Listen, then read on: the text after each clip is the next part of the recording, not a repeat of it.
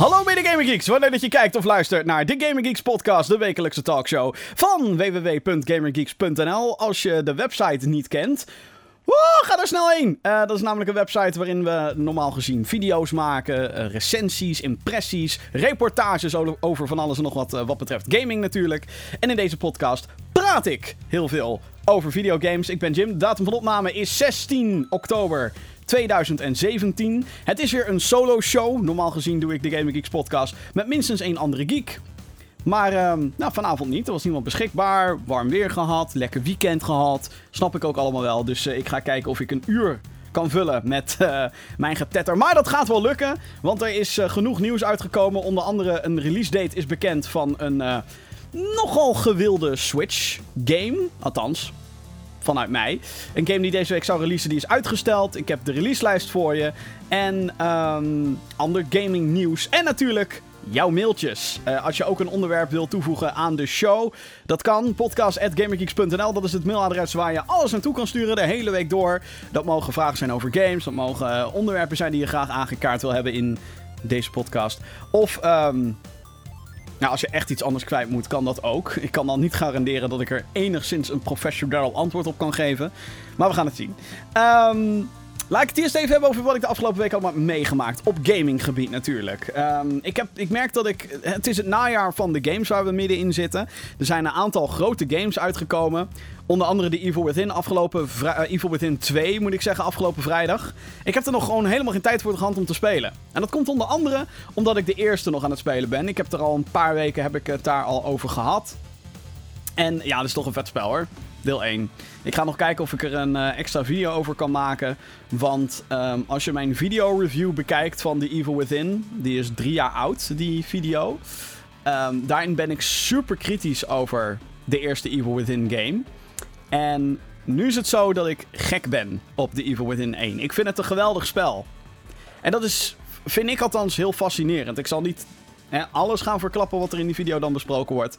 Maar het heeft onder andere te maken met hoe je binnen een redelijk korte tijd, in dit geval drie jaar, volledig anders op iets kan kijken. Dat je toch achteraf gaat terugdenken, oké, misschien was ik daar te kritisch over, misschien was ik daar niet goed over. Weet je wel, misschien was ik daar gefrustreerd of was ik daar in een andere mood. Dat speelt allemaal mee natuurlijk met hoe je een game bekijkt en eh, hoe je erover denkt op zo'n moment. En daar denk ik nu dus heel erg anders over.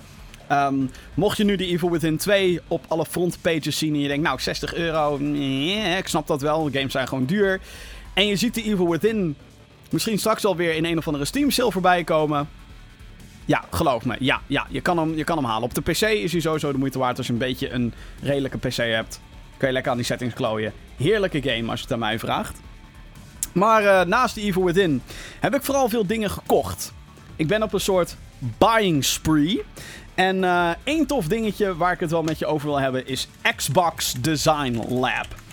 Eh, mocht je niet weten wat het is, Xbox Design Lab is een, een, ehm, ja, een deel van de Microsoft Store. En daarop kan je jouw controller.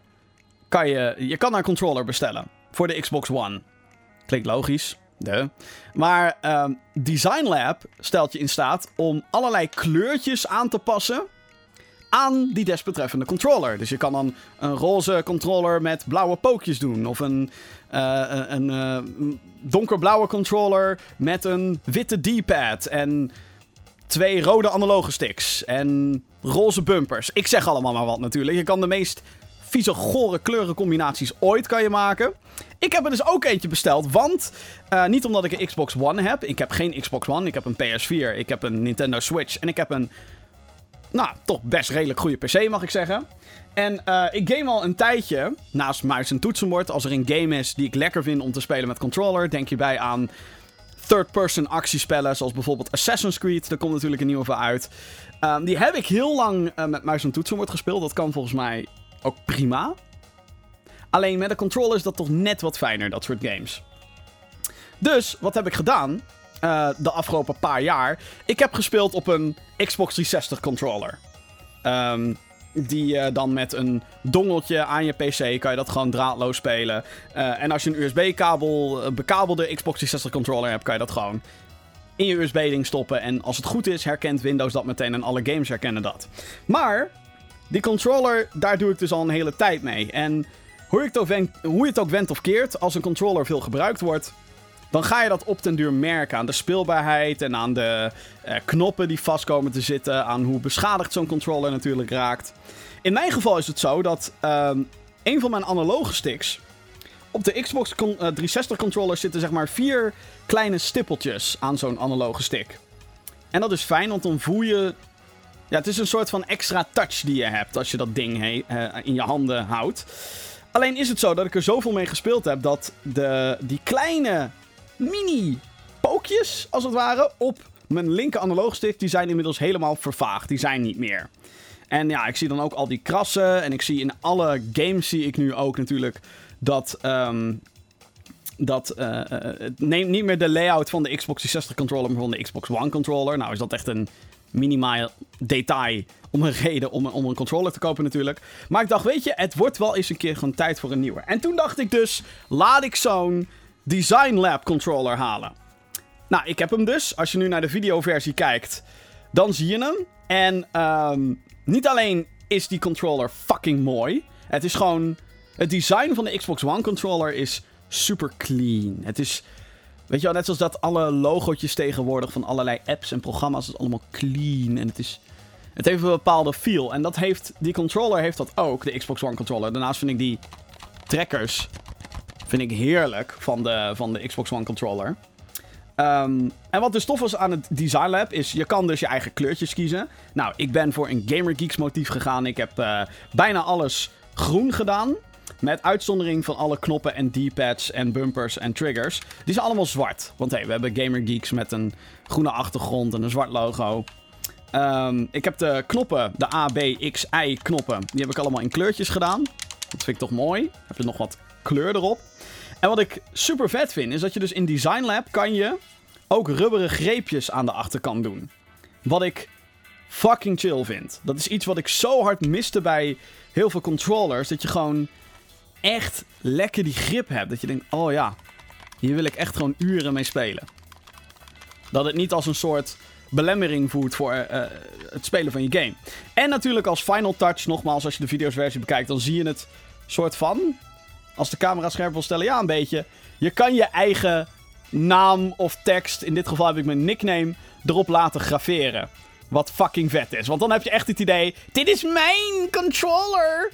Dus bij mij staat er nu uh, Potje Gamen met een D. Want dat is mijn nickname online. Zo heette mijn oude podcast. Nog lang voordat ik de Gaming Geeks podcast maakte. Sindsdien heb ik dat dus ook als nickname aangehouden. En uh, ja, een nieuwe controller voor mijn PC. Ik ben er super blij mee. Want hey, Assassin's Creed, Um, andere games komen er nog aan op een PC die ik echt wel wil spelen met een lekkere, verse nieuwe controller. Het is gewoon heel fijn. Dus uh, als je nog wat extra geld uh, uit te geven hebt en je wilt sowieso een controller halen.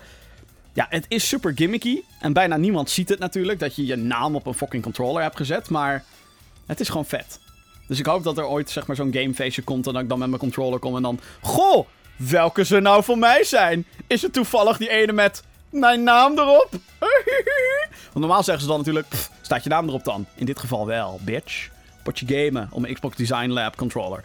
Um, goed, vond ik het even leuk om het erover te hebben. Ik, uh, ik ben er gewoon heel blij mee. Um, want ja, dat is tof. Ander ding wat ik heb gekocht, want uh, nou, als we het dan toch over geld uitgeven hebben. Ik heb ook een, um, een, een USB DVD writer. Ben ik, uh, heb ik gekocht. Ik heb namelijk nog uh, heel veel oude games liggen die ik dolgraag nog wil spelen. Ik ben iemand die. Ik speel heel veel nieuwe shit. Heel veel nieuwe games speel ik. Maar zo nu en dan vind ik het ook lekker om een classic op te pakken. Daarom heb ik ook een SNES Mini. Daarom speel ik af en toe ook retro Spider-Man games en dat soort dingen. Ik, ik kan echt van alles en nog wat uh, spelen. En. Um, mijn DVD-writer is al een tijdje stuk op mijn uh, computer. En je zou zeggen, ja, waarom zou je nog nieuw erin bouwen? Geen enkele nieuwe computer heeft het meer. Dus ik dacht als experiment, laat ik een DVD-speler via USB. Het klinkt als de normaalste zaak van de wereld, maar ik had er nog nooit eentje gezien dan wel gebruikt. Dus ik heb er eentje gehaald. Doet het, geweldig. Dus ik kan gewoon weer cd'tjes afspelen op mijn computer, ben ik super blij mee. Maar waar ik minder blij mee ben, is... Um, het, het gegeven waar we mee zitten. Want ik ben iemand die zegt heel vaak: yo, PC-gaming, ook met zo'n Xbox-controller trouwens. Ehm, ik heb overigens ook zo'n dongle gekocht waarmee je draadloos kan connecten met je Xbox One controller. Maar ehm, weet je wel, ik speel heel veel games op de PC. Als het op de PC kan, graag. Weet je wel, dan kan ik alles eruit halen. Uh, is ook makkelijker wat betreft opnemen voor video's en zo. Is het capture gewoon minder geheisa met een capture card en een HDMI-kabel die erin moet en bla bla bla bla bla. Allemaal gezeur, gezeik. Um, maar wat ik dus ook leuk vind, of althans wat ik leuk zou vinden, is als ik ook oudere games op de PC kan spelen. En dat wordt me best lastig gemaakt, moet ik zeggen. Want ik dacht, hé, hey, die DVD-shit doet het weer. Ik kan nu allemaal oude games gaan installeren. Dus ik heb twee games heb ik uitgeprobeerd. Hercules, de Disney-game, die fucking vet is. Dat is echt zo'n geweldig, leuk uh, spel. Dat was een soort van gouden eeuw van filmgames in de jaren 90. En Hercules is er eentje. Het is gebaseerd op de Disney-film.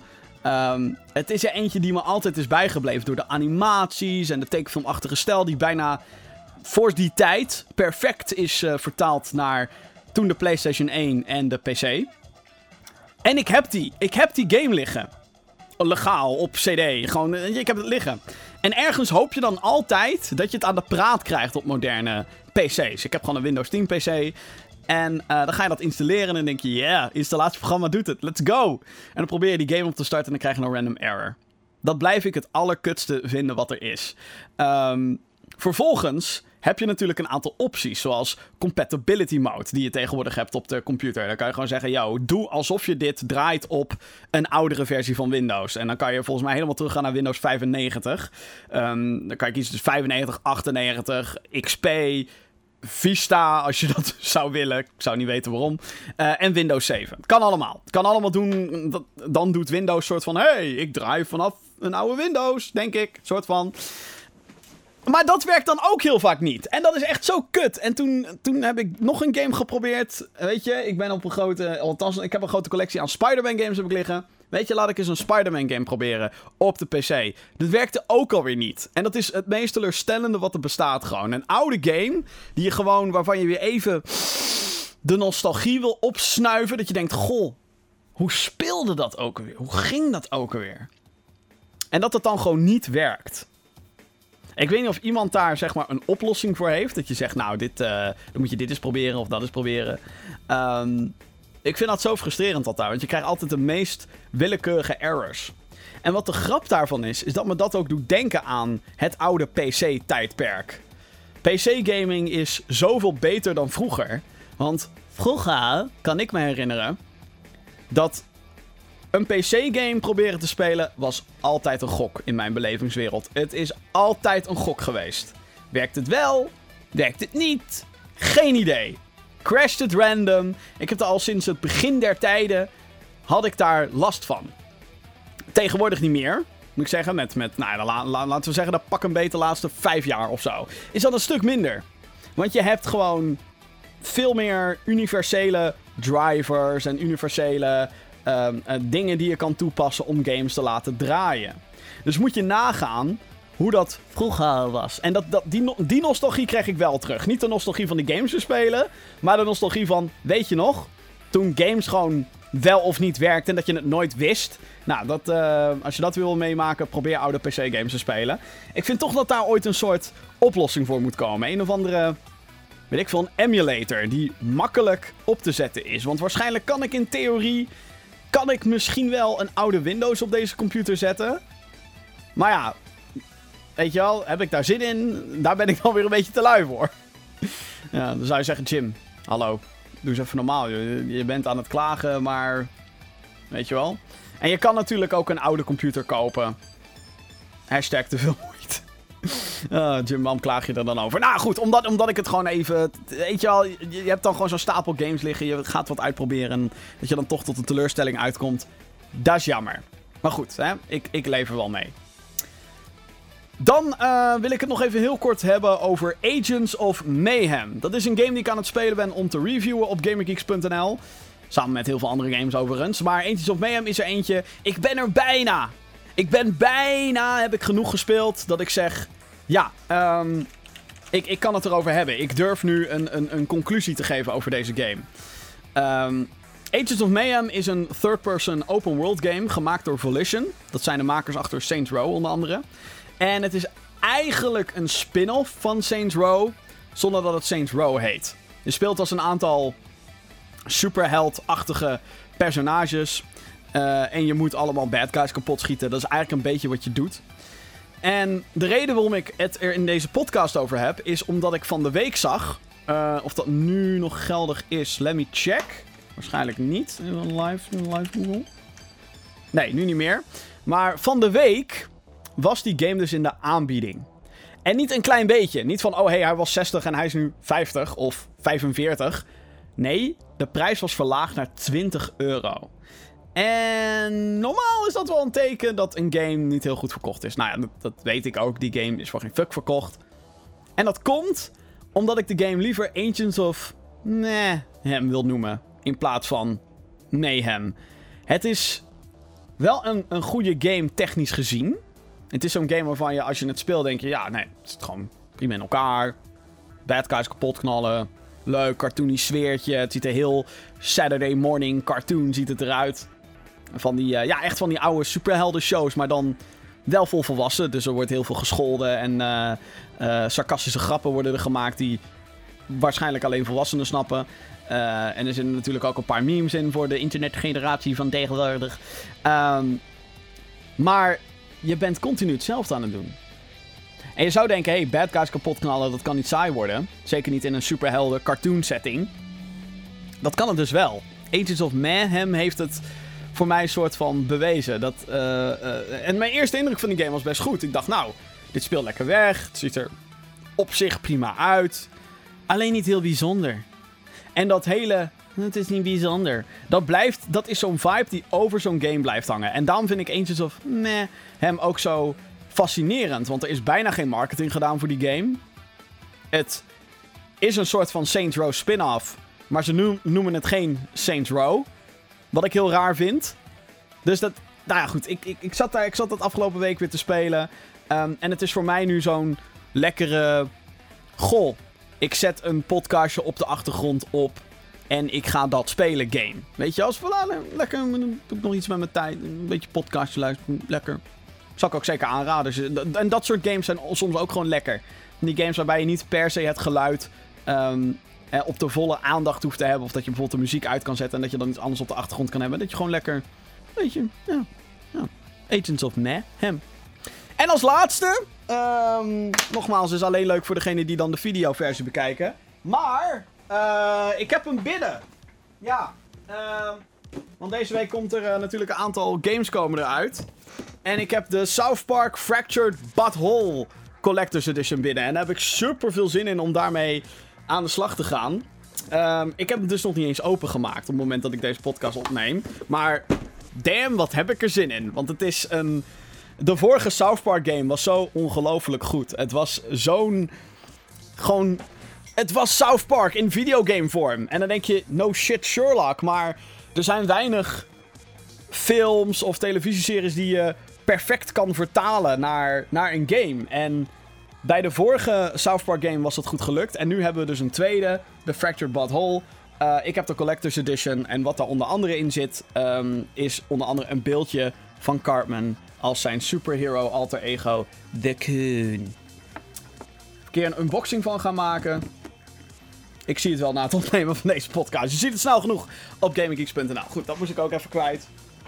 Zo, die kan weer weg. En dan uh, kan ik doorgaan naar het nieuws. Want hé, hey, er is weer het een en ander gebeurd in en rondom de gaming-industrie. Waar we het toch wel even over moeten hebben. Um, release data, dingetjes. Nou goed, um, als eerste. Een uh, interessant bericht van Nintendo. Niet officieel van Nintendo zelf. Maar uh, wel vanuit een patentenhoek. Zij hebben namelijk patenten, patenten aangevraagd wat lijkt op een Game Boy Mini. We hebben natuurlijk de NES Mini gehad vorig jaar. Dit jaar de Super Nintendo Mini. Volgend jaar komen beide weer in productie. Dan gaan ze er nog meer verkopen, want tekort van de NES Mini hadden ze er ook echt maar 10 gemaakt of zo. En wat het dus zijn is uh, ja, kleine doosjes met een HDMI-aansluiting die je op je televisie kan spelen. En dan kan je een paar retro games spelen. Nou, super vet natuurlijk. De Game Boy Mini zou dus hetzelfde concept zijn, alleen dan zonder het hele bekabelde. Neem ik aan. Want nee, het is een Game Boy Mini. Hoe fucking vet is dat? Um, het is een dingetje die ik eigenlijk ook al voorspelde. Uh, heel veel mensen denken natuurlijk ook nog dat er een Nintendo 64 Mini aankomt. Die komt ook wel, maar ik denk dat ze eerst de Game Boy Mini inderdaad gaan doen. En uh, ja, nou, dat zou dan een, een, kleine Game Boy zijn met een aantal voorgeïnstalleerde games erop. Wat voor games ze erop moeten douwen? Um, ja, Tetris moet erop. Super Mario Land moet erop. Wario Land moet erop. Uh, Donkey Kong Land moet er natuurlijk op. Nou ja, de classics. Ik zou dat gewoon lekker doen. Gewoon geen risico's nemen. Ook geen ports van, van console games erop. Nee, alleen maar originele shit. Kid Icarus bijvoorbeeld. De tweede Kid Icarus. Kirby's Dream Land. Die moet erop. Nou, je, je kan zo gek niet bedenken. Ik wil dat ding hebben als hij uitkomt. Uh, Nintendo, schiet maar op. Oh ja, en breng, geef mij een virtual console voor de, voor de Nintendo Switch. Dat zou ik ook heel fijn vinden. Een grappig bericht van Michel Ancel. Als je denkt, wie de fuck is dat? Uh, hij is een man beter bekend als de geestelijk vader van Rayman. Hij uh, uh, heeft een, uh, is, is een gast die werkt bij Ubisoft. En heeft heel veel games op zijn naam staan. En wat hij heeft gedaan afgelopen week is hij heeft een Instagram, een, een foto geplaatst op Instagram. Waarin hij vertelde, ik liep in een tweedehands winkel. En toen zag ik hem staan. Een standbeeld van Rayman in dit geval. En daarbij zei hij van, weet je, na Beyond Good and Evil 2 wil ik heel graag een vierde Rayman maken. Don't Let Heroes Die stond erin. Dat is super vet! Uh, de bedenker van Rayman wil dus heel graag Rayman 4 gaan maken. Rayman is een franchise die al heel lang bestaat. Het is ook een van die games die ik vroeger als klein Jimmetje speelde ik dat en werd ik gefrustreerd omdat Rayman 1 best moeilijk was. Daarna werd het een 3D platform game met een sprookjesachtige vibe. Uh, daarna in 2003, geloof ik. 2003 denk ik, kwam Rayman 3. Die ging al wat meer de humoristische kant op. En vervolgens ging de franchise in allerlei richtingen en hoeken. Maar nooit hebben we een echte Rayman 4 gehad. Na Rayman 3, een paar jaar daarna, kwam Rayman Raving Rabbits. Nou, dat uh, resulteerde tot uh, de hype van uh, die kutkonijnen. Um, wat dan nu ook wel weer als gevolg heeft dat we een te gekke Switch game hebben, Mario plus Rabbits. Maar goed, dat terzijde. Um, Rayman speelde daar in de eerste game nog wel een rol en daarna gewoon niet meer. Dus dat was jammer. Um, en daarna hebben we natuurlijk nog wel wat Rayman games gehad. Namelijk um, Rayman Origins en Legends. Dat waren wel weer 2D games. Maar dat zijn een soort van speedrun games in mijn ervaring. Zeg maar, ik, het, het, heeft niet echt de vibe van een ouderwetse 2D platform game. Wel vette games, vind ik. Maar het is niet echt... Het is niet de echte nieuwe Rayman, weet je wel? Je hebt nog steeds het idee, het is een soort van spin-off. Is op zich ook niks mis mee. Um, want hey, kijk waar die spin-offs naartoe leiden. Mm. Maar Michel Ancel wil dus Rayman 4 gaan maken. Dat is hartstikke vet. Foto is ook overal over het internet heen gegaan als het gaat om de gaming scene dan. En er stond er, ja, gaat nieuwe maken en uh, geweldig. Er zijn natuurlijk twee grote problemen. Nummer 1 is Beyond Good and Evil 2. Daar werkt die man nu aan. Die game is afgelopen E3 aangekondigd. Zo van, jee, kijk, daar is die weer. Beyond Good and Evil 2. Ook een project wat al tien jaar in de ijskast stond of zo. En um, na E3 heeft Michel Ancel dus heel vaak gezegd van... Ja, luister, dat ding is in het beginfase van ontwikkeling. We zijn er nog lang niet als het gaat om die game. Dus die Beyond Good and Evil 2 is nog lang niet af. Misschien gaat hij weer in development hell komen... en zegt Ubisoft op een gegeven moment ook... Weet je, we trekken die stekker eruit, die geldkraan gaat dicht. Kut. Um, dus daar moeten we nog maar op wachten hoe dat afloopt. Daarnaast heeft Michel Ancel ook nog een ander project in de maak. En dat is Wild. Een soort van third-person... Ja, een wildernis game, no shit. Maar um, ja, third-person survival RPG in de wildernis. Moet je kijken, wauw, naar al die dieren. Um, dus hij heeft al twee projecten lopen. En het is natuurlijk nu de wil van de bedenker van Rayman om een nieuwe Rayman te maken. Een echte Rayman 4. Wat ik fucking vet zou vinden, nogmaals. Alsjeblieft, doe het. Alleen wil Ubisoft dat. En het is natuurlijk ook maar een beetje de vraag of je dat als ontwikkelaar wil doen. Dat je eigenlijk op deze manier ehm, je werkgever, in dit geval Ubisoft, een beetje zo forceert van... Yo, wanneer gaan we eens uh, een uh, Rayman doen, uh? Ubisoft? Hm? Ik weet niet of ze dat heel erg waarderen. Um, vaak zie je toch wel dat als ontwikkelaars dat soort dingen tweeten of Instagrammen of in ieder geval op social media zetten. Dat is vaak een teken van frustratie. Is toch vaak zo van, ja, shit, weet je wel, misschien heeft hij het al 80 keer gepitcht, weet je wel, bij Ubisoft. Rayman 4, oh shit. Um, ik hoop dat het er gaat komen. Eerlijk is eerlijk, maak eerst Beyond Good and Evil 2 af. Cancel Wild. Volgens mij was die niet eens van Ubisoft trouwens, die Wild game. Um, cancel die shit. Zeg gewoon, yo, dat maak ik niet meer. Dat is klaar. En maak Rayman 4. Ik heb behoefte aan een Rayman 4. Ik wil gewoon weer een lekkere sprookjesachtige platformer. Die niet door een indie studio gemaakt is. Dat klinkt fucking lame. Maar Yooka-Laylee en je hebt recent ook Ahead in Time. Die, die proberen heel erg de Nintendo 64-achtige 3D-platforms te maken. En wat dat inhoudt is vooral heel veel verzamelen en verzamelen en verzamelen. Terwijl ik ook wel een beetje de lol wil halen uit gewoon een avontuur beleven. Nou zeg ik niet dat je dat niet per se kan doen met al die, met die andere genoemde games. Maar Rayman heeft voor mij altijd gewoon ziet gehad van... Ah, je gaat er gewoon lekker doorheen. En je speelt gewoon lekker. En als je er klaar mee bent, ben je er klaar mee. Als je nog dingen wil verzamelen, dan kan dat ook nog. Dan kan je nog teruggaan. Dus ja, ik, uh, en ik heb Rayman 2 volgens mij ook minstens drie keer liggen op allerlei verschillende platforms. En Rayman 3 heb ik uh, heel lang geleden gespeeld op de PlayStation 2, geloof ik. Dus ja, nee, geef mij maar gewoon een nieuwe Rayman. Ik, uh, ik zou dat heel graag willen zien. Rayman 4, let's go, do it. Gewoon, gewoon lekker doen. Ja. Dan um, een ander gek nieuwtje vond ik dan. Um, Humble Bundle is verkocht. Of althans, is nu onderdeel van een andere partij. Als je niet weet wat Humble Bundle is, het is een website, humblebundle.com. En daarin kan je vaak, goh, je zou niet raden, bundels kopen. En die bundels, dat, kan, nou, dat begon als, als games. Later zijn daar meer dingen bijgekomen, zoals digitale comics, digitale boeken, audioboeken en uh, nog meer van dat soort dingen.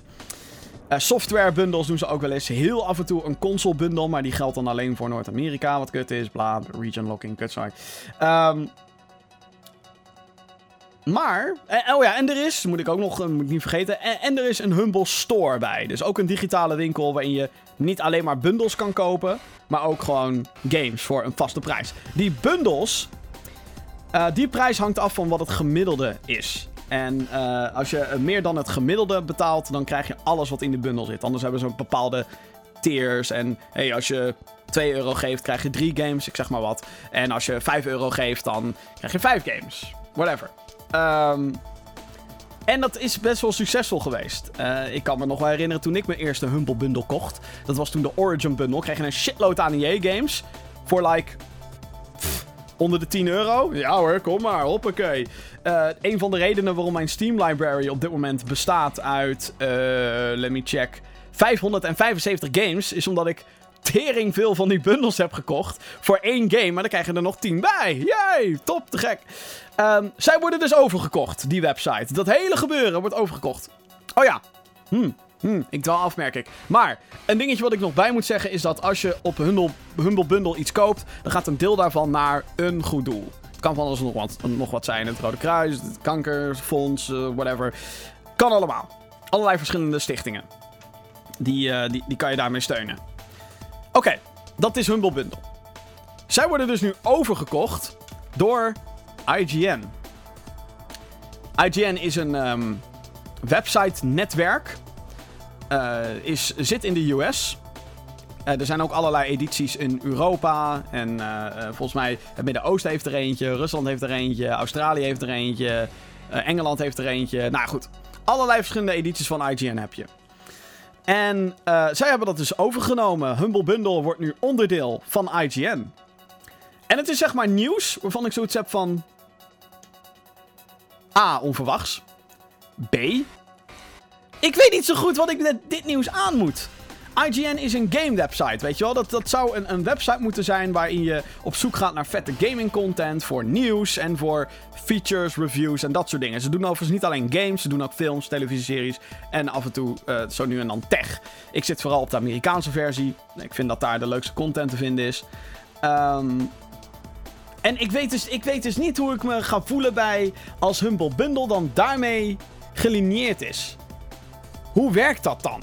Weet je, hoe, hoe kan je een webwinkel overkopen? waarom überhaupt? Waarom is die fusie er? Ik snap het niet.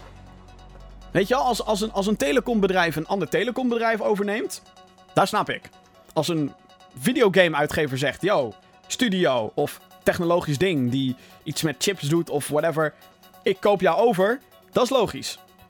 Maar een website die bedoeld is voor zoveel mogelijk content creëren en, uh, nou ja, goed, dan ben je afhankelijk van advertenties en dat soort dingen. Gaat dan vervolgens samen met een, een, een website die hangt vanaf de goodwill. Want al die uitgevers moeten ook maar die keys zo geven van hier, uh, stop maar, douw maar in die Humble Bundle, want ik geloof in jouw doel. Is toch, ik vind dat toch gek. En overigens zijn heel vaak van die keys uh, DRM-vrij ook nog eens. Dus je hebt dan geen. Uh, je moet dan niet een, een, key invoeren en zo. En uh, dat soort shit. Nee, je kan het gewoon downloaden. Gewoon de launcher, zonder gezeik. Ik, ik snap die fusie niet. Ik ben, ik ben daar gewoon flabbergasted door. Ik, ik, ik weet niet waar, waar het vandaan komt. En ik weet dus oprecht niet. Waar ik het van. Waar. Wat moet ik ermee? Ik, ik, weet niet wat ik met dit nieuws aan moet. Ik, ik weet niet wat ik ervan moet vinden. Dat vind ik het allerlastigste van het nieuws. Maar goed, bij deze. IGN koopt Humble Bundle. Dus ja, wat, gaat het betekenen voor Humble Bundle? Gaan ze commerciëler? Wordt het alleen op IGN? Wordt nee. Ander gaming nieuws. Um, wacht even. Hoor je dat? Hoor je dat? Ja, um, dat was Johan. een hele slechte imitatie van Johan. Um, Johan, die je uh, vaak ook hoort in deze podcast, die is, uh, ja, die is denk ik echt aan het, aan het janken en, en gewoon in een hoekje aan het huilen. En dat komt omdat Age of Empires, de Definitive Edition, is uitgesteld. Hij zou eerst deze week uitkomen. En hij is uitgesteld naar 2018. Uh, Age of Empires, The Definitive Edition, is een uh, re-release van deel 1. Age of Empires 1. Dat is een real-time strategy. Waarin je in de prehistorie gaat. Dus je gaat dan van de, het... Uh, oh shit, mijn geschiedenis is kut. het stenen tijdperk naar het... bronzen tijdperk. Naar het zilveren tijdperk. Naar het gouden tijdperk. Ik weet het niet meer. Oh, oh, wat, oh wat erg. Um, ik weet het echt niet meer. Kutzooi. Eh, in ieder geval, prehistorie shit. En dan op een gegeven moment kan je dan zeg maar langzaamaan door evolueren naar de en shit. En dan kan je dingen bouwen. En nou ja, best wel vette game. Het meest iconische van die game, dat zijn nog de priesters die uh, units kunnen converten. En dat klinkt dan als volgt. Dit had ik moeten voorbereiden, dit. Maar, uh, even kijken. Uh, is hem? Geen advertentie. Hallo? Ja, hallo.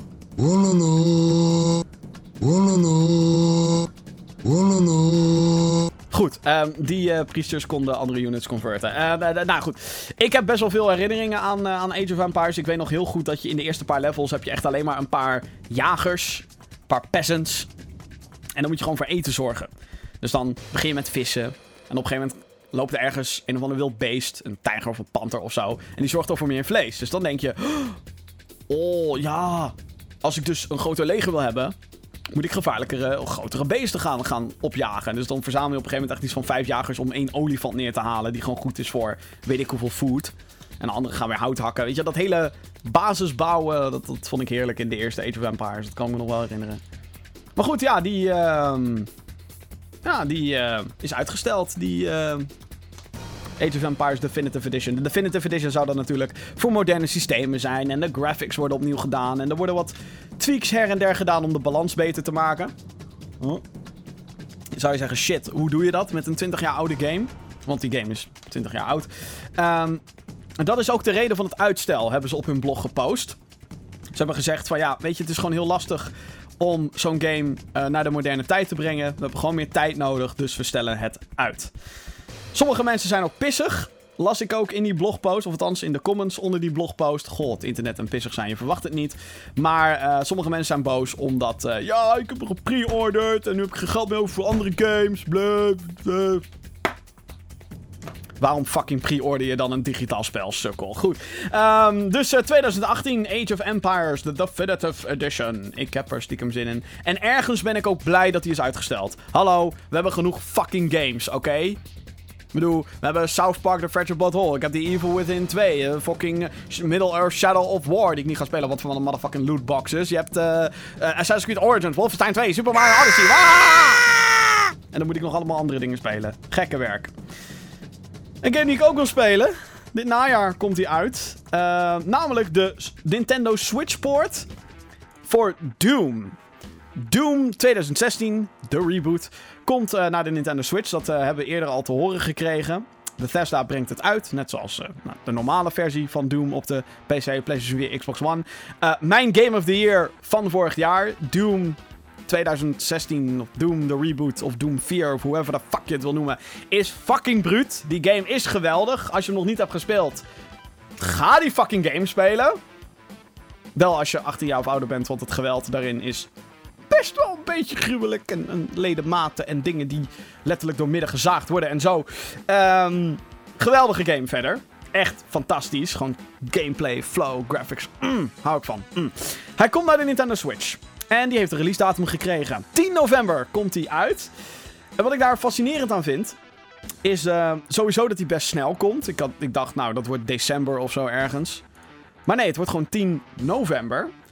Um, en het is niet alleen slim omdat dat dan snel uitkomt, maar ook het is strategisch gezien heel slim. Het is een paar weken na Super Mario Odyssey. De Switch-gebruikers hebben misschien dan al wat uitgespeeld, of willen dan alweer wat nieuws. Hey, Doom voor de Switch, first-person shooter. Bam, perfect. Ja, lekker. Uh, ik, heb heel veel, ik ben vooral gefascineerd. Hoe ga je zo'n game draaiende krijgen op een, een, een, systeem wat je meeneemt?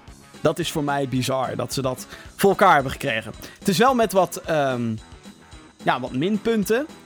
Uh, de game gaat namelijk draaien op 27p, lagere resolutie. Nou, dat is logisch, ook gezien het scherm van de Switch tot 27p kan. Maar goed, ook als je hem dus in je dock zet, op de televisie gaat afspelen, is hij 27p. En hij is helaas maar 30 frames per seconde. Ja, ik vind dat hartstikke kut. Want uh, een van de redenen waarom Doom, de reboot, zo vet is, is omdat het zo lekker speelt. En met die super smooth, mm, ja, framerate, 60, minstens 60 per seconde. Oh, het speelt zo lekker fijn. En die flow gaat toch een beetje weg als je het uh, op een lagere um, framerate moet spelen. Uh, maar ja, we gaan het zien. Ik, uh, ik ben heel benieuwd. Ik wil hem wel heel graag spelen. Sowieso vind ik die game super vet. En ik ben gewoon benieuwd hoe dat speelt op de Nintendo Switch. Dan nog een uh, politiek dingetje. Vorige week in de podcast heb ik het al uitgebreid over lootboxes gehad. Uh, heel veel grote games hebben tegenwoordig microtransacties. Dan kan je van die digitale kistjes kopen en in die kistjes zitten dan allerlei items die je in de game kan gebruiken. Sommige zijn cosmetisch, zoals een skin of een, uh, een embleempje of een, of een portrait die je, kan, die je kan laten zien online in de multiplayer. In sommige gevallen gaat het net een stap verder. Zoals bij Shadow of War, waarin je Legendary Orcs kan unlocken door die dingen te kopen. Met echt geld. En met die Legendary Orcs kan je. Zoals het op sommige websites omschreven staat. Dan pas kan je de game op een normale manier uitspelen. Zonder dat je 80 uur hoeft te grinden voor sterke orks. Wat bullshit is, vind ik. In Star Wars Battlefront 2 was daar ook al gezeik over. Want in Star Wars Battlefront 2, de beta, was het zo dat je dus van die lootboxes had. Die kun je dus ook kopen met echt geld. Heel soms verdien je ze in de game zelf. En um, daarin zitten dan items die jouw personages en wapens daadwerkelijk sterker maken. Daar is gewoon geen discussie over te voeren. Gewoon sterker. Meer procent schade, meer procent uh, minder damage die je ontvangt. Dat soort shit allemaal. Het probleem natuurlijk met die lootboxes is, een groot onderdeel, is dat het een gok is. Je weet niet wat je gaat krijgen. Het is allemaal random als je zo'n lootbox opent. Dus daardoor is er een soort discussie ontstaan nu van... Is dit eigenlijk gewoon digitaal gokken?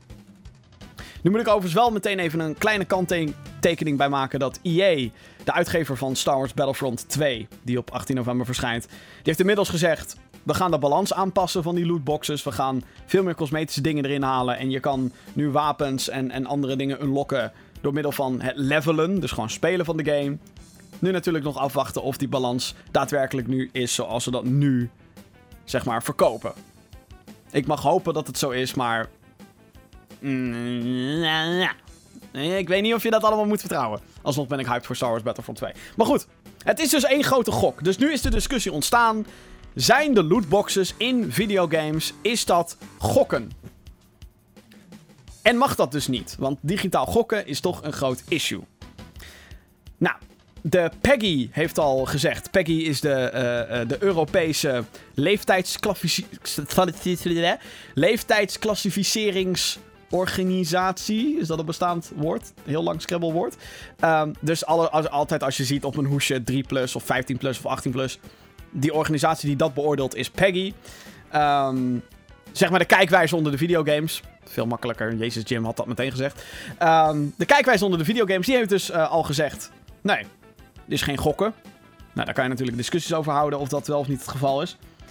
En, en nu is de Britse politiek er zich mee gaan bemoeien. Althans, dat willen ze. Er is namelijk een, uh, een Britse politicus die zit in de, nou, de Britse ja, tegenhanger van de Tweede Kamer, als het ware.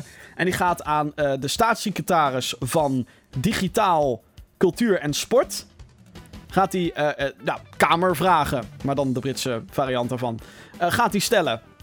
Want hij vindt dat daar een einde aan moet komen. Hij, hij wil dat er duidelijkheid in ieder geval over komt hoe dat nou zit met de digitale lootboxes in games. Is het eerlijk? Nogmaals, die discussie hebben we vorige week gehad in de podcast. die heb ik samen met Bobby gevoerd. ik vind het ik vind het altijd een beetje kut. Dat je 60 euro voor een fucking game neerlegt. En dat er daarna gewoon op zo'n sneaky manier nog meer geld van je gevraagd wordt. En in Overwatch is dat, vind ik dat al kwalijk.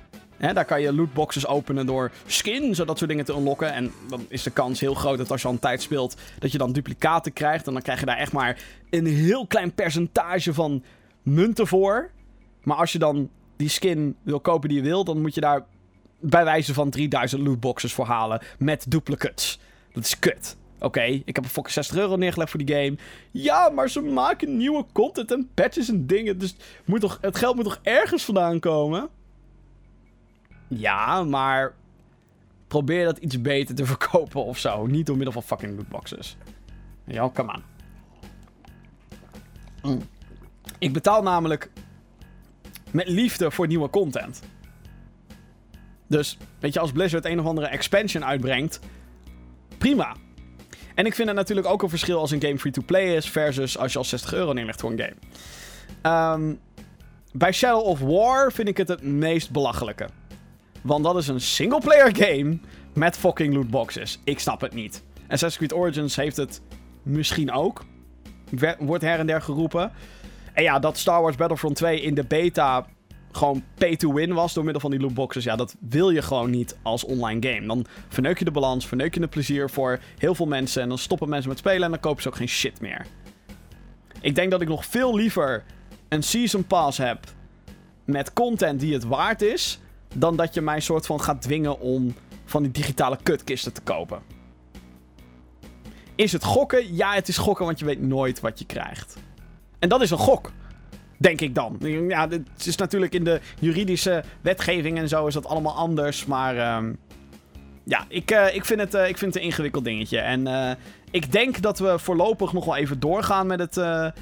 als het gaat om de discussie rondom lootboxes. ik hoop dat het een trend is die. nou, dit jaar gaat niet meer lukken, maar die volgend jaar per direct afsterft. Gewoon sterf. Gewoon. Verzin alsjeblieft een andere manier om aan je geld te komen probleem natuurlijk met lootboxes is, en ik val een beetje in herhaling, dit zei ik vorige week ook al. probleem met lootboxes is, iedereen vindt het kut. Maar bedrijven verdienen er letterlijk miljarden aan. Ook in games waar je al 60 euro voor moet neerleggen. Dus no shit dat ze het doen. Kijk maar naar Blizzard en de cijfers in Overwatch. Dat is echt kut. Oké, um, ik ga even mijn mailbox openen. Ehm... Uh, podcast.gaminggeeks.nl. Dat is het mailadres waar je terecht kan. De hele week. Als je een vraag hebt voor de show. Uh, ik ga kijken. Ik zag inderdaad eerder vandaag al een paar mailtjes binnenkomen. Dus daar ben ik super blij mee. Dank je wel daarvoor. Podcast.gaminggeeks.nl. Kan ik vaak genoeg zeggen. Uh, Oké, okay, daar gaan we. Mailbox openen. Open, open, open. Snel, snel, snel, snel, snel. Ja, opening mailbox. Het zou wel wat zijn, hè, als die mailbox ineens ermee kapt. hey, kijk. Zo, jezus, wat een vraag allemaal. Thanks, jongens. Jeetje. Damn. Ik begin met Robbie GTA. Dag Jim en de rest. Nou, die is er nu niet. Ik zou de Survival DLC zeker aanraden in The Division. Het is alleen wel zo dat wanneer je met vrienden speelt, je er een weg moet gaan en dat is best kut. Jij verzamelt dan bijvoorbeeld wat items, daarna, uh, waarna je maat de tering kan krijgen omdat jij die items vindt. Je kunt alles achteraf delen, maar vooralsnog speel met vrienden, maar ga individueel. Ja, dat is natuurlijk een beetje het tegenovergestelde van met vrienden spelen, denk ik dan. Um, het is tijdgebonden, zoals je misschien weet, dus raadzaam om eerst PvE te spelen voor mapkennis van waar dat ligt. Ik ben zelf actief op de PS4. Leuke video's en interessante info. Altijd. Groetjes van Robbie. Nou, kleine essay over uh, de Division Survival Mode. Die overigens volgens mij gratis is als je de uh, Division hebt. Dus als je de game hebt, is er inderdaad een survival mode. En die lijkt heel erg op een Battle Royale-achtige mode. Je wordt in zo'n map gepleurd en je moet overleven. Je krijgt niks. Al die gear en shit, die heb je niet. En uh, volgens mij zijn er ook dingen zoals kou inderdaad en een timer en dat soort shit. Het lijkt mij best tof. Uh, heb ik er tijd voor om het nog te spelen? Nee, maar het is cool dat ze zo'n mode erin brengen. Dat had er meteen van het begin af aan in de Division had moeten zitten. Dat kan zo'n game echt weer nieuw leven inblazen. En weet je, mensen vinden het leuk om over Ubisoft heen te schijten en te dissen. Oh, Ubisoft is kut. Bleh. Maar dit soort shit doen ze steeds vaker. Van, van dat soort modes toevoegen. Waarvoor ik, waarvan ik zoiets heb van, damn. Oké, oké, oké, nice. Ik vond de Division namelijk ook heel teleurstellend toen die uitkwam. Ik had zoiets van, ja, is dit het? Weet je al, al die jaren van hype. Maar dit soort dingen zit er al een tijd in trouwens hoor. Het is niet alsof het heel nieuw is, maar ja, tof. Thanks voor je mailtje, Robbie. Uh, Stan, die heeft gemaild... Hey Gamergeeks, eind deze maand komen Wolfenstein 2, de nieuwe Colossus, en Assassin's Creed Origins uit. Ik weet niet goed welke game ik eerst zal spelen. Ik vind het vet dat Bethesda games als Wolfenstein maakt. 2, die nieuwe Colossus. En wil dat op zich wel belonen door de game full price te kopen. Aan de andere kant heb ik ook echt heel veel zin in Assassin's Creed. Maar hebben jullie er meeste zin in? Ik denk uh, dat de kans redelijk groot is dat Wolfenstein door al dit najaarsgeweld redelijk snel afgeprijsd zal worden. Meteen de vraag is dan ook, kopen jullie wel eens games direct bij launch? Alleen om een ontwikkelaar te steunen, terwijl je weet dat die game redelijk snel afgeprijsd zal worden. Groeten van Stan. Als eerste, waar heb ik het meeste zin in? Ik vind dat heel lastig om te zeggen, omdat Assassin's Creed Origins en Wolfenstein 2, de nieuwe Colossus, zijn compleet andere genres. Wolfenstein 2 is een first-person shooter, over de top, lekker, brute actie, dat wordt Wolfenstein 2. Ik heb volste vertrouwen in die fucking game, fucking veel zin in. Assassin's Creed Origins is een open world third person uh, actie, ook actiespel, daar niet van, maar het is niet dat je alles kapot knalt. Uh, want het speelt zich af in het oude Egypte. Um, dus uh, waar heb ik het meeste zin in? Ik heb zin in beide. Ik heb zin in beide. En het ligt er maar net aan in wat voor gemoedstoestand ik ben. Om te zeggen, daar heb ik het meeste zin in. Beide fucking vet. En het ergste nog is, dames en heren. Op diezelfde dag, dezelfde motherfucking dag, 27 oktober is dat. Komen niet alleen Wolfenstein 2 en Assassin's Creed Origins uit. Nee! Er komt ook nog fucking Super Mario Odyssey. Ik wil ze alle drie. En waar haal je de tijd vandaan? Ik heb geen idee. Maar allebei, super vet. Um, of ik wel eens games koop direct bij launch alleen om een ontwikkelaar te steunen. Uh, nee, ik koop een game bij launch omdat ik hem wil spelen. Dat is zeg maar, daar moet je altijd van uitgaan. Je moet niet denken, oh wat zielig, koop die game. Weet je wel? Um, ik heb zoiets van, als je een game wil spelen, koop het dan gewoon. Weet je wel? Ga dan, je kan dan inderdaad wachten op een sale. Maar hey, als je er nu zin in hebt en je hebt het geld, why not? En daarmee kan ik ook meteen het tegenovergestelde zeggen. Je hoeft niet altijd de allernieuwste games te kopen. Als jij nu zoiets hebt van, goh, ik heb gewoon zin om weet ik veel, Shadow of Mordor te gaan spelen. De eerste, niet de nieuwe. Doe dat gewoon. Koop eerst die eerste. Kijk wat je ervan vindt. En als je dat vet vindt en je hebt dan zin in de tweede. En dan maakt het niet uit of die 60 euro is, of 40 euro of 20 euro. Koop hem dan. Het is natuurlijk wel zo dat Steam sales en, en andere type sales altijd op de loer liggen. Ligt er natuurlijk ook heel erg aan of je op de PC speelt of op uh, de, de consoles voornamelijk. De consoles zijn prijsverlagingen ja, meestal wel een soort universeel. Weet je dan is het van, oké, we wachten minstens een jaar en dan gaat hij pas in de aanbieding. Bij Steam is dat natuurlijk een stuk, hè, dan, dan, dan buigt dat wat heen en weer. Uh, als het gaat om oudere games, zeg twee jaar oud, dan zeg ik, wacht vooral op Steam sales.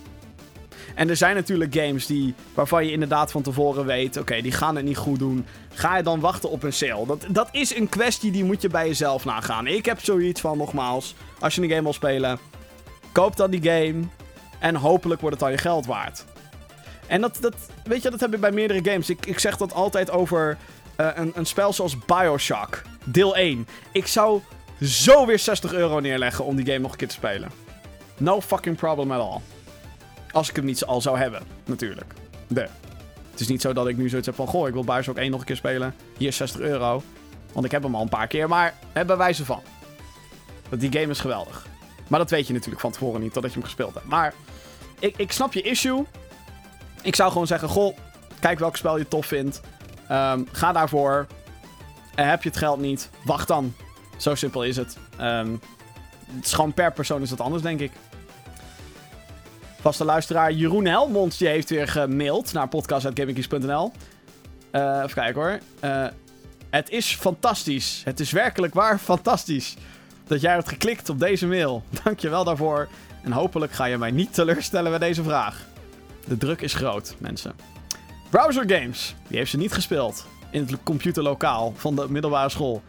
Wat was de kracht van browser games? Wat was jouw favoriete browser game? En wat is de laatste browser game die jij hebt gespeeld en wanneer was dat? Bedankt voor het beantwoorden en peace van vaste luisteraar Jeroen. Browser games zijn een apart. Dat is echt zo apart. Vroeger stond ik, stonden we natuurlijk met z'n allen helemaal te kijken van. Wow, moet je kijken. Een game in je internetbrowser. Je kan het overal spelen. Bij wijze van, dat was de theorie erachter. Vaak moest je dan nog Microsoft Silverlight hebben en dat soort onzin. Um, ik kan me nog wel herinneren dat ik, zoals iedereen, ik heb ook RuneScape geprobeerd. Ik vond er geen bal aan. Ik heb Habbo Hotel, heb ik een paar uurtjes in rondgehangen vroeger. Um, wat was mijn favoriete? Er was ooit, ik weet alleen niet meer hoe die heet, dat is kut. Um, er was ooit een spel.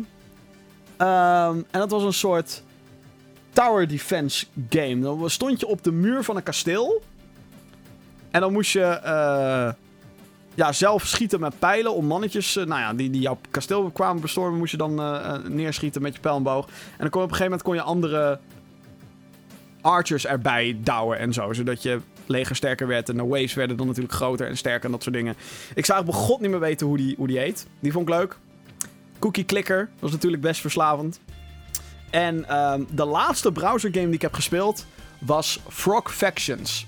Dat is een bizar spel die langs allerlei genres gaat en gewoon meme op meme op meme en, en, en satire en, en van alles nog door elkaar heen. Je moet het echt gespeeld hebben om te denken, what the fuck. Het ene moment ben je een soort, ja, een soort Atari minigame aan het spelen. En het andere moment verandert het ineens in een fucking text adventure. Het is bizar. Maar wel geweldig. Frog Factions, deel 1. Die uh, is gewoon via een browser. is ook de officiële manier trouwens. Jasper van Dreumel die heeft gemaild. Beste Jim, wat vind je van Fortnite Battle Royale? Zit het goed in elkaar en zo? Ik hoor het wel op de stream. Goed van Jasper. Ik heb geen idee. Ik heb het nog niet gespeeld. Um, ik heb wel gehoord dat het heel vet is. Het is gratis. Dus ik wil het zeker wel een keer gaan spelen. Um, het heeft namelijk wat minder barrière voor mij dan Player Unknown Battlegrounds. Want hey, Player Unknown Battlegrounds moet je kopen voor 30 euro. Fortnite Battle Royale niet. Dus dat vind ik chill. Ik wil hem een keertje spelen. Um, nogmaals, tijd is bij mij altijd een issue. Maar verder heb ik er dus geen mening over. It's Penguin heeft uh. We weten bijna 100% zeker dat er een nieuwe Smash voor de Switch komt. Wat zou jij in de nieuwe Smash willen? Bijvoorbeeld personages of game mode. Uh, welke zouden dat zijn? Ja, dat er een nieuwe Smash komt op Switch. No shit, dat moet wel. Als ze dat niet doen, dan... eh, ja. Zou het heel gek zijn. Dus Dan zou ik Nintendo echt zo aankijken met... Wat, wat zijn jullie aan het doen, jongens? Iedereen wil dat. Ehm, personages vind ik altijd heel lastig. Want er zijn zoveel personages in... eh, in, in Smash tegenwoordig. eh, in de Wii U en 3DS versie. Met alle DLC erbij. Er zijn er wel een paar die ik wil. Ik wil Shovel Knight, wil ik erin. Shovel Knight is like fucking perfect. Voor, eh voor, eh godsamme, voor, voor, voor, voor Smash. Die. Ehm, en ik zou het tof vinden als Waluigi eindelijk zijn eigen plekje krijgt in het Smash rooster. En misschien ook een, ehm, een Luigi met de stofzuiger. Wat heel gek klinkt. Maar dat zou ik tof vinden. En ehm een. Hmm. Wat voor ander Nintendo character wil ik er nog in? Nou, Splatoon. Er moet natuurlijk een Splatoon character in komen. Eh, dat lijkt mij logisch. Dat we dat nu moeten hebben. Er zijn twee Splatoon games al uitgekomen. Dus ja, kom maar. Kom met die Splatoon characters. En, hmm. Wat zou nog meer? Ja, ehm no shit. ehm Rayman. Of. Of en. En of. The Raving Rabbits. Kom op, we hebben nu Mario plus Rabbids Battle Kingdom gehad. Het moet erin. En als ik dan nog een fan-favorite mag zeggen. Oh shit, nu komen er steeds meer in mijn hoofd op poppen. Eh, Gino uit Super Mario RPG. Dat wordt heel moeilijk, want die rechten liggen niet bij Nintendo. Die liggen bij Square, die Super Mario RPG 1 heeft gemaakt. Maar then again, ze hebben die game ook op de S- SNES Mini gekregen. Ze hebben Cloud natuurlijk ook in Smash 4 gehad. Dus dat. Qua game mode zou ik heel graag willen dat de Adventure mode weer terugkomt uit Super Smash Bros. Melee. Dat was een mode, dan ging je langs allerlei verschillende Nintendo-werelden. Dus stage 1 ging je een beetje langs zo'n Mario-wereld. En dan mocht je wat Goombas in elkaar slaan en wat Koopa's. En dan uiteindelijk ging je bijvoorbeeld vechten tegen een Mario-character. Daarna ging je naar een Zelda-wereld daarna naar een Metroid-wereld. Nou, dat vond ik te gek. Dat moeten ze doen. Dat moeten ze gewoon weer doen. Gewoon ga naar de overworld Super Mario. Ga vervolgens naar een Star Fox stage. Ga daarna naar Green Hill Zone uit Sonic. Want fuck it, Sonic komt er ook weer in. Doe dat gewoon. Doe dat weer. Dat was te gek. De, de adventure mode in Melee. Dat zou ik weer terug willen zien. Ehm Servando heeft gemaild weer een vraag over Fortnite. Geen idee. Ik heb het niet gespeeld. Is er een video van? Jazeker. We hebben de originele game. ehm eh, eh, originele, ja, de originele. Zeg maar de, de campaign mode, co-op, hebben wij een let's play van gedaan. Die kan je zien op gamergeeks.nl. Kaas Kroket heeft gemaild. Heb jij soms ook het probleem als de game midden in een spannend stuk crasht? Dat is een tijd geleden. Kan ik gelukkig melden. Dat is het meest frustrerende wat er bestaat. Een game die midden in je game crasht. Hoe dan ook. Nou, dat is kut. Ehm... Ik kan me eigenlijk niet de laatste keer herinneren dat het gebeurde.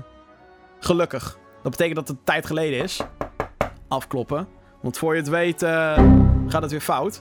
Ehm, ik kan me wel een keer herinneren. Dat is wel een leuk verhaal. Ik speelde Assassin's Creed 2.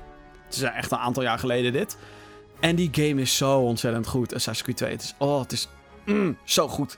Gewoon die wereld en de sfeer en de actie en de dingen die je kan doen. Dat vond ik fantastisch. En op een gegeven moment crashte die game. Dat was op een paar PC's geleden, is dat al inmiddels. Ehm, gewoon, in, ik was gewoon lekker aan het spelen. Was niet per se een spannend stuk of zo, maar bam, weg. En wat er toen gebeurde, is ik ging weer, eh, nou ja, per se opnieuw opstarten, je kent het. Was mijn save file corrupt. Ik kon wel janken. Moest helemaal overnieuw beginnen. En ik vond Assassin's Creed 2 zo goed dat ik dat heb gedaan. Ik heb iets van 10 uur of zo overnieuw, fucking overnieuw eh, gedaan. Gewoon opnieuw gespeeld, want ik vond het zo vet. Dus dat. De Zen General heeft ook gemaild naar podcast.gaminggeeks.nl. Denk je dat Middle-earth Shadow of War de Game of the Year gaat worden? Waarom en waarom niet? Denk je dat de haat om de microtransactions mogelijke reden al zijn dat het die titel niet zou krijgen? Nee, ik denk niet dat eh, Shadow of War kans maakt. Onder andere daardoor. Eh, ik denk dat heel veel mensen ehm, die game door al dat gezeik niet oppakken. Waaronder ik. Ik heb zoiets van, fuck you. Er zijn zat andere games. Ik ga niet eerst weet ik hoeveel uur spe- spenderen aan een game. Met het risico dat ik straks bij een soort barrière kom. Waardoor ik eindeloos moet gaan zitten grinden. of lootboxes kopen. Fuck off. Ik heb daar geen zin in. Ehm, het lijkt me verder echt een vette game. Maar er zijn zoveel andere games. En verder, wat ik ook hoor, is dat het gewoon een vette game is, maar niet. Ehm, het- is niet, weet je, het is niet super bijzonder meer. Shadow of Mordor was super bijzonder toen. En Shadow of War is gewoon meer van dat. Van wat ik heb gelezen. Nogmaals, is niet mijn mening. Ik heb het niet gespeeld. Ehm, maar ja, voor, voor mij, zeker door het gezeik, is het niet Game of the Year material. Welke het wel gaat worden, denk ik, Horizon Zero Dawn. Horizon Zero Dawn is zo fucking goed. Die game is geweldig. En er moeten nog zat games uitkomen. Super Mario Odyssey is een hele grote mogelijke Game of the Year. Ik heb de game gespeeld op Gamescom. Die was fantastisch. Ehm, voor heel veel mensen zal The Legend of Zelda Breath of the Wild, denk ik, een Game of the Year zijn. Voor mij persoonlijk niet. Star Wars Battlefront 2. Als ze dat gezeik met die lootboxes meteen oplossen. Ik moet ook heel eerlijk bekennen dat Call of Duty World War 2 er ook vet uitziet. Ah, er zijn te veel goede games. En hebben we natuurlijk ook een pareltje zoals Wolfenstein 2. Er komt te veel goede shit uit, jongens. Ehm, voor sommigen zal Shadow of War ongetwijfeld Game of the Year worden. Ehm, maar ik denk over het algemeen dat je moet kijken naar andere games. En nogmaals, Horizon Zero Dawn is fucking fantastisch. Jeffrey zit ook in de mailbox. Hoi Jim, ik kijk nu al bijna eh, twee jaar naar jullie. Eh, zelf ook een groot Assassin's Creed fan. Zo heb ik nu vanaf dag 1 al Assassin's Creed Origins Dawn of the Creed versie gekocht. En ik kan echt niet wachten totdat wanneer die uitkomt. Mijn vraag is, wat is nu jouw favoriete Assassin's Creed game? Ehm laat ik die als eerste beantwoorden. Deel 2 is mijn favoriet. Deel 2 is fucking goed. Verbeterde alles wat eh, deel 1 minder leuk maakte. Dat, deel 2 hadden dat allemaal weg en breidde alles uit. Ehm, ik vind 4 ook heel vet. Ehm, ja, ik vind ze bijna allemaal leuk. Behalve 3, die vond ik heel teleurstellend. En ik vond Unity kut. En Revelations viel een beetje tegen. Maar ehm, dat moet ik wel eh, weet je, in context brengen. Want ik had namelijk Assassin's Creed 1, 2, Brotherhood en Revelations allemaal achter elkaar gespeeld. En daarna kwam ook nog eens deel 3. Dus misschien is het daardoor dat ik die games wat minder vind. Revelations en 3. Ehm, maar ik vond wel echt het niveau naar beneden gaan bij die twee. Maar other than geweldig. En wat vind je er eigenlijk van dat je in Assassin's Creed Origins de pijl van de Hunterboog kan besturen? Zelf vind ik het namelijk wat minder. Ehm ja, het is een beetje raar, inderdaad. Eh, net zoals dat je, je vogel gebruikt als een soort drone. Dat je ineens door de ogen van die vogel kan kijken. Like, what the fuck. Eh, ja, dat is raar. Eh, het is iets te weird. Zelfs voor een Assassin's Creed game. Ehm, ik, ik kijk wel wanneer je dat unlockt. Want het is inderdaad al geshowcased dat dat kan. Dat je een pijl kan besturen. Like, what the fuck. Ehm, maar we weten nog niet wanneer je die skill unlockt. Dus als je dat echt vanaf het begin af aan kan doen, in theorie, dan vind ik het wel echt minder. Ehm, is het een skill die je echt helemaal aan het einde, whatever, dan ben je toch al overpowered. Dan kan je dat er net zo goed bij doen. Ehm, dat ligt er een beetje aan. Het is inderdaad weird. Ik kan dat heel moeilijk goed praten. Het is raar. Het is een beetje. ehm, tuurlijk, games zijn nooit realistisch. Net zoals dat actiefilms nooit realistisch zijn.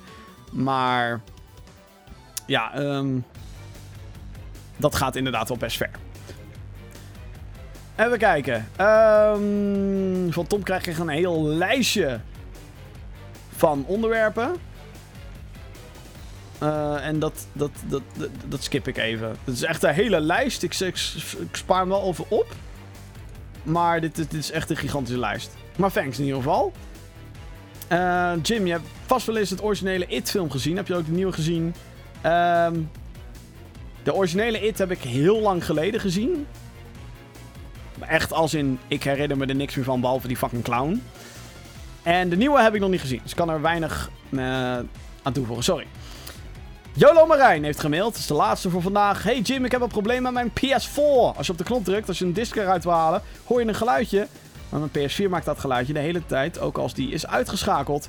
En je kan er ook geen disc meer in doen, want soms hoor je ook dat geluid als je een disc erin wil doen. Dus je kan niet meer gamen met een disc. Eh, PS, ehm, ik heb gekeken op de Sony-site, maar kon daar niet echt een oplossing vinden. Kan je als pro-gamer mij helpen? Groetjes Marijn. Dit is heel toevallig, dit kan ik namelijk oplossen. Ehm, er zijn YouTube-tutorials hiervoor, maar let dus wel op, eh, dit is ergens gevaarlijk. Het is niet dat het je garantie naar de kloten helpt. Maar je moet er alsnog wel een beetje maar uitkijken. Ik heb dit probleem namelijk ook gehad met mijn PS4. Hij doet het nu niet meer. Afkloppen. Ehm, wat er namelijk gebeurt, is de disk tray van jouw PlayStation 4 is uh, gelinkt aan een bepaalde schroef. En op het moment dat hij zeg maar, op een bepaalde hoogte zit, denkt hij: Oh, ik moet nu die disk uitspugen. Ik moet er niks in hebben, ga weg. Een soort. Alsof je twee vingers in, je, in de mond. Achter in je keel duwt. Het moet eruit. Uh, een beetje dat idee. Dus wat je kan doen. Uh, om dit op te lossen. Althans, dit werkte bij mij. Nogmaals, eigen risico. Uh, wat je dus doet, is je haalt de ik ga er trouwens even vanuit dat dit om een classic PS4 gaat. De originele, de, de grote. Die ik ook heb. De OG. Wat je doet, is je haalt het glimmende stuk haal je eraf. Dan vind je daaronder... Uh, dat kan je er gewoon afhalen zonder problemen. Dat is namelijk, je kan daarmee ook de harde schijf van de PlayStation 4 vervangen. Dat mag gewoon, dat kan gewoon, dat is allemaal geen probleem. Daar zit ook, uh, nogmaals, dit moet je echt even opzoeken op YouTube. Uh, maar er zit ook een schroef en die schroef, die zit waarschijnlijk los door ratelingen en trillingen die in die PlayStation 4 allemaal gebeuren terwijl je games aan het spelen bent. Omdat die schroef los is gaan zitten, denkt die PS4: Oh, ik moet shit eruit spugen. Dat zijn die twee vingers in je keel, bij wijze van. Als je die schroef weer aandraait, dan denkt de PS4: Oké, ik zit nu weer vast, soort van. Um, hij, dan, dan gaat hij weer discs slikken. Dat is heel raar om te zeggen dit. Is een hele vage uitleg. Maar bij mij werkte het wel. Waar zit het risico in? Want dat schroefje zit er gewoon... Ja, je gaat toch met een schroevendraaier aan je PS4 zitten. Dat is toch een beetje... Ik vind dat altijd heel oncomfortabel. Dan denk ik, uh, ik, wil, ik wil niet wat stuk maken. Uh, ik vind dat maar eng. Um, maar um, dat is de oplossing. Althans, dat. Want ik heb dat ook gehad. Uh, ook ineens dat hij allerlei discs eruit ging spugen. En dat ik had zoiets van, what the fuck? Schroefje aandraaien. En dan moet hij het weer doen. Nogmaals, de derde keer dat ik dit zeg, maar kijk YouTube tutorials. Um, en als je er vervolgens echt niet uitkomt, dan moet je de Sony klantenservice bellen. Want die heb je ook nog natuurlijk. Die mensen kunnen je ook helpen. Geloof het of niet. Dus dat was de release. Of dat was de release lijst, lol. Nee, daar gaan we nu heen. Um, wacht even, wat chiller muziekje.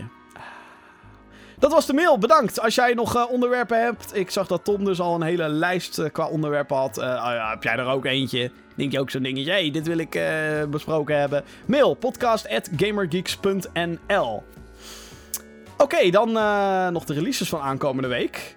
Dat zijn er namelijk weer een hele hoop. allereerst op uh, dinsdag 17 oktober 2017, op het moment dat je dit waarschijnlijk hoort. South Park, of nou ja, nou, whatever. Um, South Park, The Fractured Butthole voor de PlayStation 4, Xbox One en de PC. Die komt dan uit. Heel veel zin om die game te spelen. Ik heb hem hier liggen, de Collector's Edition. Ah! Um, Elex komt ook uit op 17 oktober voor de PlayStation 4, Xbox One en de PC. De reden waarom ik deze game nog even benoem. Deze heb ik gespeeld op Gamescom um, vorig jaar. Dus niet afgelopen, maar het jaar daarvoor. Dat is een game die vonden Johan en ik zo fucking slecht. Dus dit is een waarschuwing. Kijk uit voor die game. Uh, was echt, de controls waren wack. De, de, de, de physics werkte niet goed. Het is zo'n game dat je denkt: wie heeft dit gespeeld en dacht: dit is acceptabel? Oh my god. Gran Turismo Sport komt ook deze week uit. Eindelijk. De race simulator, als je die zoekt, kan uh, uh, zowel normaal als in VR gespeeld worden op de PlayStation 4. 18 oktober verschijnt hij. En de laatste uh, grote noemenswaardige release die ik althans heb kunnen vinden. Tenzij ik heel veel oversla. Dat kan. Dat is Fire Emblem Warriors. De Dynasty Warriors spin-off. Met Fire Emblem characters erin. Die komt uit voor de Nintendo Switch. En de New Nintendo 3DS. 20 oktober. Dus let op. Je normale 3DS, daar werkt die game niet op. Alleen de New Nintendo 3DS. Als je die wil spelen. Goed. Wow, ik ben al langer dan een uur aan het lullen. Ongelooflijk. Um, ja, ik ben aan het einde gekomen van uh, deze aflevering van de Gaming Keys podcast. Het was aflevering nummer 22. Ik uh, vind het sowieso hartstikke tof dat je mijn uh, gebabbel al meer dan een uur hebt volgehouden als je dit hoort. Super vet. Um, wat komt er allemaal aan? Wat moet je zeker checken? Ga naar www.gaminggeeks.nl, want daar doen we het allemaal voor. Dat zijn de... Um, he, daar maken we video's over videogames. We posten ook nieuws op gamergeeks.nl. Dus uh, uh, ga daarheen voor alles wat je wil weten. High quality content. Deze week zijn er twee hele vette video's uitgekomen. Onder andere een video over Life is Strange Before the Storm van Vincent. Hoe goed is Life is Strange Before the Storm? Video op gaminggeeks.nl. Ook een, uh, een video met een fucking vette VR-ervaring. Op Gamescom is Vincent in een soort motion capture pak. Harnas is hij, is hij, is hij, is hij gebracht. Allemaal klittenband overal. VR-bril op zijn kop. Een plastic gun in zijn handen. En hij is een squad game gaan spelen. In een soort ruimte waar alleen hij en twee andere spelers mochten rondlopen. Fucking vet. Check die video op gaminggeeks.nl. Aankomende week komt er ook het een en ander aan. Onder andere ons, uh, hopelijk ons first look verslag. Waar we al um, heel druk mee aan het monteren zijn. Het gaat over 10 jaar First Look. Die is namelijk geweest. De tiende editie. Was heel erg vet. Ik ga kijken of ik iets kan doen wat betreft South Park The Fractured Butthole. Um, ik wil een video gaan maken over The Evil Within. Ik heb nog weet ik hoeveel reviews staan. Nou, ja, ik zeg altijd, ik heb geen tijd. En dat is zeker nu ook weer het geval. Maar ik uh, doe het graag. Um, dus dat, hou GamerGeeks.nl dus in de gaten. En als je wat meer op social media zit, uh, dan zijn we daar ook gewoon op te vinden. Onder andere twitter.com slash GamerGeeksNL. Dat is ons Twitter-account. Daar houden we je uh, uh, zo spoedig mogelijk um, op de hoogte. Als we weer live gaan, wat betreft een stream. Of als de podcast live gaat. Of als de podcast in audio of video op de website staat. Of als er nieuws is. Of als er dus een nieuwe video online komt. Uh, dus houd het in de gaten. Twitter.com slash GamerGeeksNL. www.gamergeeks.nl Goed mensen, hartstikke fijn dat je hebt geluisterd naar deze podcast. Hartstikke bedankt voor alle steun, alle mailtjes, alles. Podcast aan GamerGeeks.nl nogmaals. Um, graag tot een volgende keer. Tot later.